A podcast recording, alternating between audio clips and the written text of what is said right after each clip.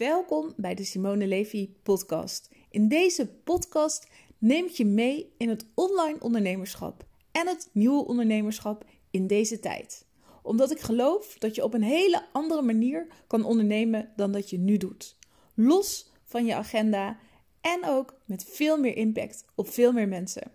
Ik geloof dat je moet stoppen met klein denken en dat je veel groter mag gaan ondernemen. Juist helemaal op jouw manier. Niet op een groot kantoor, maar misschien wel juist gewoon vanuit huis in pyjama. Dus luister naar mijn podcast. Wat ik enorm zou waarderen is als jij tijdens het luisteren van deze podcast eventjes een screenshotje maakt van jezelf. Dat je aan het luisteren bent. En dat deelt op Instagram door me te taggen. Want dan kan ik ook echt connectie met je maken waar ik helemaal voor sta. Oké, laten we snel beginnen. Ik kom net weer terug van de tandarts voor de tweede keer. En als je mijn vorige podcast hebt gehoord, dan um, heb je ook gehoord dat ik dit, uh, nou ja, zeven jaar uit de weg ben gegaan. Dus ik ben zeven jaar niet naar de tandarts geweest. En dat komt omdat ik een tandarts had. En het klinkt een beetje zielig en een beetje raar. Um, maar die tandarts, het was niet dat ik bang was voor de pijn. Maar die tandarts of ook die mondhygiënisten, die waren niet heel aardig tegen me en heel erg belerend. En ik ben heel gevoelig voor als mensen echt niet aardig tegen me zijn. Dat vind ik echt enorm lastig. Nou, daar heb ik ook echt zelf iets mee te doen en te dealen. Um, want ja, wat maakt het eigenlijk uit als mensen niet aardig tegen je zijn? Maar ik vind het wel heel fijn als ik bij een tandarts ben, dat ik me daar helemaal veilig voel. En dat in ieder geval een tandarts um, niet direct heel boos gaat worden als ik bijvoorbeeld um, heel slecht mijn tanden heb gepoetst. Ja, ik snap het hoor dat een tandarts streng moet zijn. En um, ja, je misschien ook een lesje moet willen leren. Alleen ik vind dat nooit heel fijn als mensen dat op een hele bozige, nou ja, of ernstige manier doen. Dat ze je eigenlijk meer bang maken dan dat ze ja, je echt goed willen helpen en ook het beste met je voor hebben. Dan ik liever dat iemand super aardig is en zegt: Ik snap het helemaal dat je het niet doet, maar het is misschien wel slim als je het de volgende keer wel doet. Maar oké, dit keer wil ik het niet hebben over de tandarts, alleen wel dat het nu de tweede keer dat ik er was en dat ik um, enorm, wel dat het echt enorm zeer deed. En uh, toen baalde ik ook wel echt een beetje van mezelf. Toen dacht ik van jeetje, weet je, ik had gewoon niet zulke erge pijnen nu hoeven te hebben. Um, als, ik, nou ja, dit, als ik dit uit de weg was gegaan, als ik dit niet uit de weg was gegaan, als ik dit meteen had aangepakt, als ik meteen gewoon had gedacht: oké, deze tandarts vind ik misschien niet fijn, die vind ik niet aardig, maar dat ik dan een oplossing zoek en dat ik dan misschien naar een andere tandarts ga, maar in ieder geval niet dat ik het uit de weg ga. Dat ik dan niet naartoe ga. En iedere keer weer werd de schaamte steeds groter van, hè, dan ga je een jaar niet. En dan denk je, oh jeetje, weet je, wat gaat de tandarts zeggen als je een jaar niet bent geweest? En dan ga je twee jaar niet. En dan ga je in ieder geval al helemaal denken wat andere mensen over je gaan denken. En nou ja, daardoor wordt die angst dus alleen maar groter. Terwijl nou, dat het dus echt ook wel een issue is waar ik zelf aan moet gaan werken. Dat ik helemaal niet bang moet gaan zitten zijn uh, voor wat andere mensen allemaal van me vinden of denken. Want daarmee houd ik me dus enorm tegen. Nou, nu ben ik dit aangegaan door naar de tandarts te gaan in zeven jaar. En um, dat kwam ook door een. Um, ja, doordat er, dat, dat er iets op mijn pad kwam. Doordat de uh, maker van het uh, eczeemcrème uh, Tiny Tot me uitnodigde om te komen. En ik al zoiets had van oké, ik moet dit nu aanpakken. Maar ik geloof ook dat dat niet voor niets is. Daar heb ik ook een, die podcast over opgenomen vorige keer. Podcast heet ook Bang voor de tandarts. Alleen um, er is ook wel iets anders waardoor dit helemaal alles in gang zet. En dat is dat ik nu helemaal in een fase zit en in een proces zit waarin ik nog veel meer alle angsten die ik heb, alle tekortkomingen die ik bij mezelf voel en waar ik ook wel weet dat het schuurt bij mezelf, plus ook de, ja, de, de dingen die ik uit de weg ga, dat ik die nu juist heel erg wil aangaan. Want um, ik voel van, ik ben 39, ik word bijna 40. Um, En dan zijn er twee dingen in mijn leven. Dan denk ik, oké, ik moet één beter voor mijn lichaam gaan zorgen. Want ik kan iedere keer bepaalde dingen uit de weg gaan. En daardoor niet goed voor mijn lichaam zorgen. Dus bijvoorbeeld, ik heb ehm, best wel last ook van, uh, van acne de laatste tijd. Nou, dat ik dan ook echt naar een goede huidspecialist ga om, om dat dan te verzorgen. En niet dat dan, dat ook maar een beetje doorlaat, nou ja, bulten en etteren, letterlijk.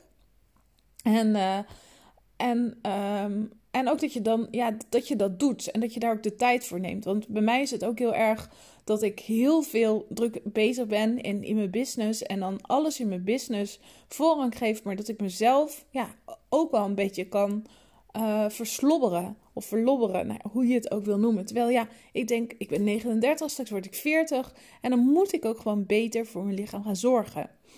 En uh, nou, dat is dus bijvoorbeeld ook die uh, acne, maar ook andere dingen. Zo ben ik laatst bijvoorbeeld ook naar de chiropractor gegaan, omdat ik zoiets had van ja, ik, ik, uh, ik zit niet helemaal lekker in mijn botten en uh, ik, uh, ik ga dat gewoon een keertje behandelen. Ja, en ook dat was meteen, hè, ik maak die afspraken en dan na een half uur dan is gepiept en dat deed niet eens zeer. En, nou ja, en dat levert meteen ook zoveel op.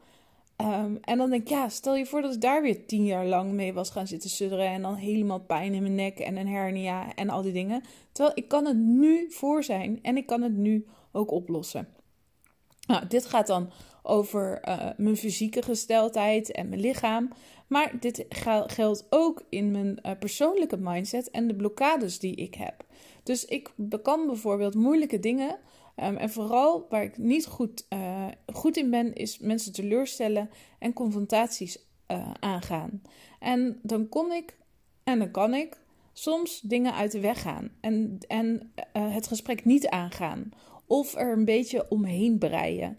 Um, en in het verleden heb ik ook best wel bijvoorbeeld, als ik dan echt moeilijke dingen had met mensen in issues, dan deed ik dat dan bijvoorbeeld via de mail en niet persoonlijk, omdat ik het dus zelf te spannend en eng vond om die confrontatie aan te gaan.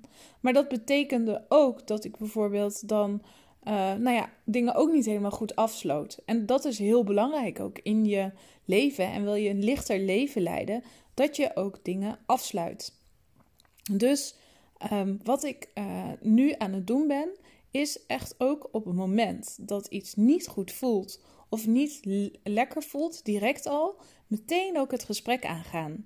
In plaats van het door te laten etteren en, dat, en sudderen en koken. En dat het echt pijn gaat doen in de relatie of, uh, of, nou ja, of, of in je business. Of weet je, dat, dat, dat het echt direct pijnlijke impact heeft. Terwijl dat als je het direct voelt en je neemt dan actie, dan, um, nou ja, dan voel je die pijn ook nog wel eventjes in dat moment, maar dan voelt die pijn een stuk korter dan als je dat uh, direct aangaat. En ik zie dat ook bij uh, ondernemers, dat ondernemers ja, in, hè, dat zegt ze ook, 80% van je ondernemerschap is mindset. Maar dat ondernemers het heel lastig vinden om confrontaties aan te gaan, omdat ze heel graag heel aardig gevonden worden, de ander het allerbeste gunnen, maar ja, het misschien niet voor die persoon uiteindelijk het allerbeste is. Um, nou, zo kan ik allerlei voorbeelden noemen die jij misschien nu uh, doet, waar je eigenlijk mee moet stoppen. Dus bijvoorbeeld, je volgt bepaalde mensen die je helemaal geen energie geven, maar die volg je maar gewoon omdat je, ja, je durft diegene gewoon niet te ontvolgen, omdat je die confrontatie niet aan durft te gaan. Want stel je voor dat diegene gaat zien dat je, de, dat je diegene ontvolgt. Um, of je uh, wil liever met iemand anders gaan samenwerken, Um, je, je werkt bijvoorbeeld samen met een uh, designer. Je wil liever met iemand anders samenwerken. Maar je durft de samenwerking niet te, uh, te stoppen. Omdat jullie zo'n goede relatie hebben. En diegene ook heel veel voor je heeft gedaan. En bla bla bla bla. Maar voor jou levert het op dit moment toch. Ja, voel je er niet lekker bij. En doe je het toch nog wel. Terwijl, ja, dan is het ook zo belangrijk om dan op het moment dat jij voelt: het loopt nu niet lekker nou, dan kan je dat aangeven natuurlijk bij die persoon. Direct ook aangeven, kijken hoe je er samen naartoe kan werken. Maar ook op het moment dat je zoiets hebt van ja, ik moet de keuze maken om nu te stoppen. Dat je dus ook die confrontatie mag aangaan en dat je daar ook dan mee mag stoppen.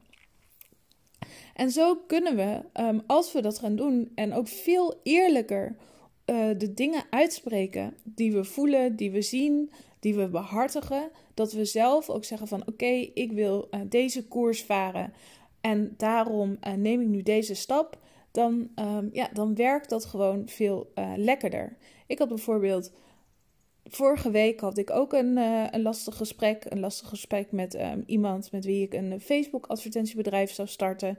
Maar ik merkte toch dat um, onze verwachtingen ja, anders lagen. En toen dacht ik van ja, dan kan ik nu voor 40% in dat bedrijf stappen. En dan heeft diegene ook 40% van de aandelen aan mij hè, gegeven. Of daar heb ik dan wel een investering natuurlijk in gedaan. Um, maar ja, diegene gaat spijt krijgen en ik ga spijt krijgen. Dan kan ik toch beter nu al het gesprek aangaan en zeggen dat ik, uh, ja, dat ik het toch niet zie zitten. En um, nou ja, dat, die gesprekken kan je natuurlijk veel beter aangaan op het moment dat, het, uh, nou ja, dat je voelt dat het toch niet het juiste moment uh, is.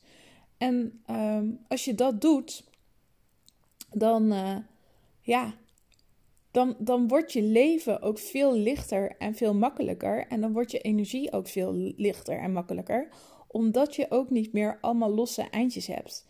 Uh, je hebt geen losse eindjes meer, omdat je uh, niet meer die energieën van andere mensen in je nek voelt prikken, omdat je gewoon dingen eerlijk en goed hebt afgesloten.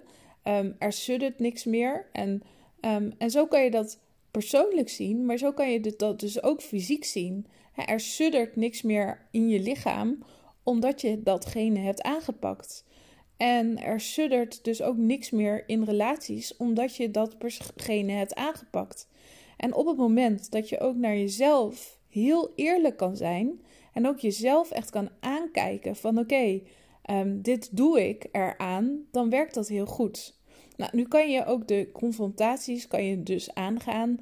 Uh, je kan de dingen die sudderen, ook in je lichaam, daar kan je dus aan werken. Maar waar je dan ook nog naar kan kijken, is bijvoorbeeld dat je ook in het doen en de taken die je doet, kan kijken van oké, um, wat ga ik nu in de taken in mijn business op dit moment uit de weg, wat ik eigenlijk wel zou moeten doen. Of wat ik wel zou moeten doen, um, maar bijvoorbeeld ook zou kunnen uitbesteden. En um, nou, dat, dat is namelijk ook best wel een hele interessante. Zo is het misschien dat jij iedere keer die administratie uitstelt, waardoor je helemaal aan het einde van het kwartaal dat er een enorme bult werk ligt en dat je denkt: shit, ik moet die administratie nog doen.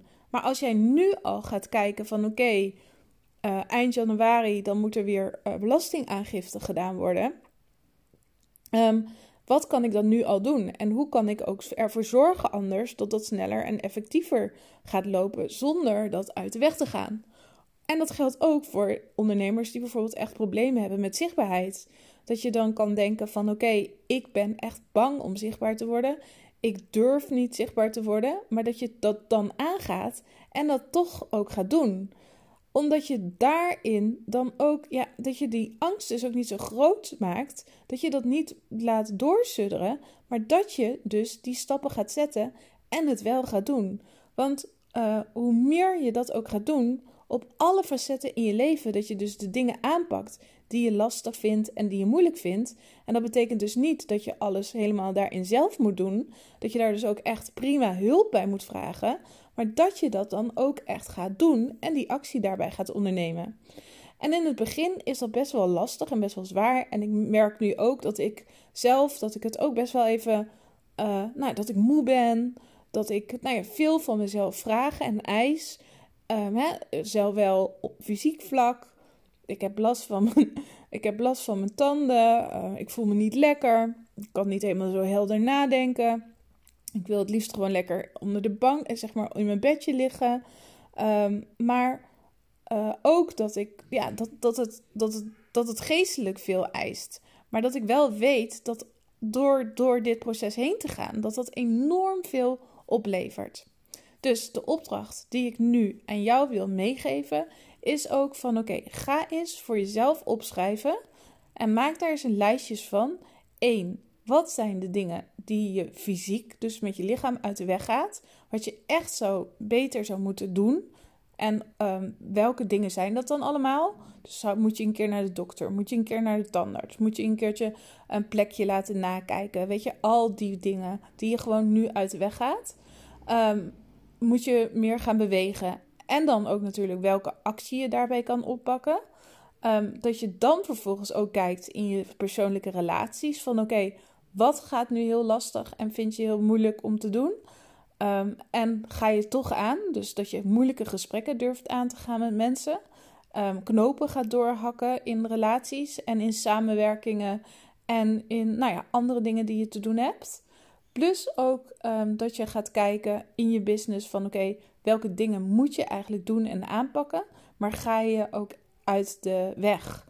En, en nou ja, daar maak je allemaal een lijstje van. Nou, en dan kom je misschien echt wel aan een heel groot lijstje, maar pak dan nu bij alles even de top 3. En dat je die top 3 gaat aanpakken. En als dat al te veel is om die top 3 bij ieder van die punten aan te pakken, dan pak je bij ieder lijstje top 1. En dan ga je ze stap voor stap voor stap afwerken. Dus, nou, een flinke to-do-lijst voor jou, maar dit gaat je echt mega veel opleveren en zal echt life-changing zijn.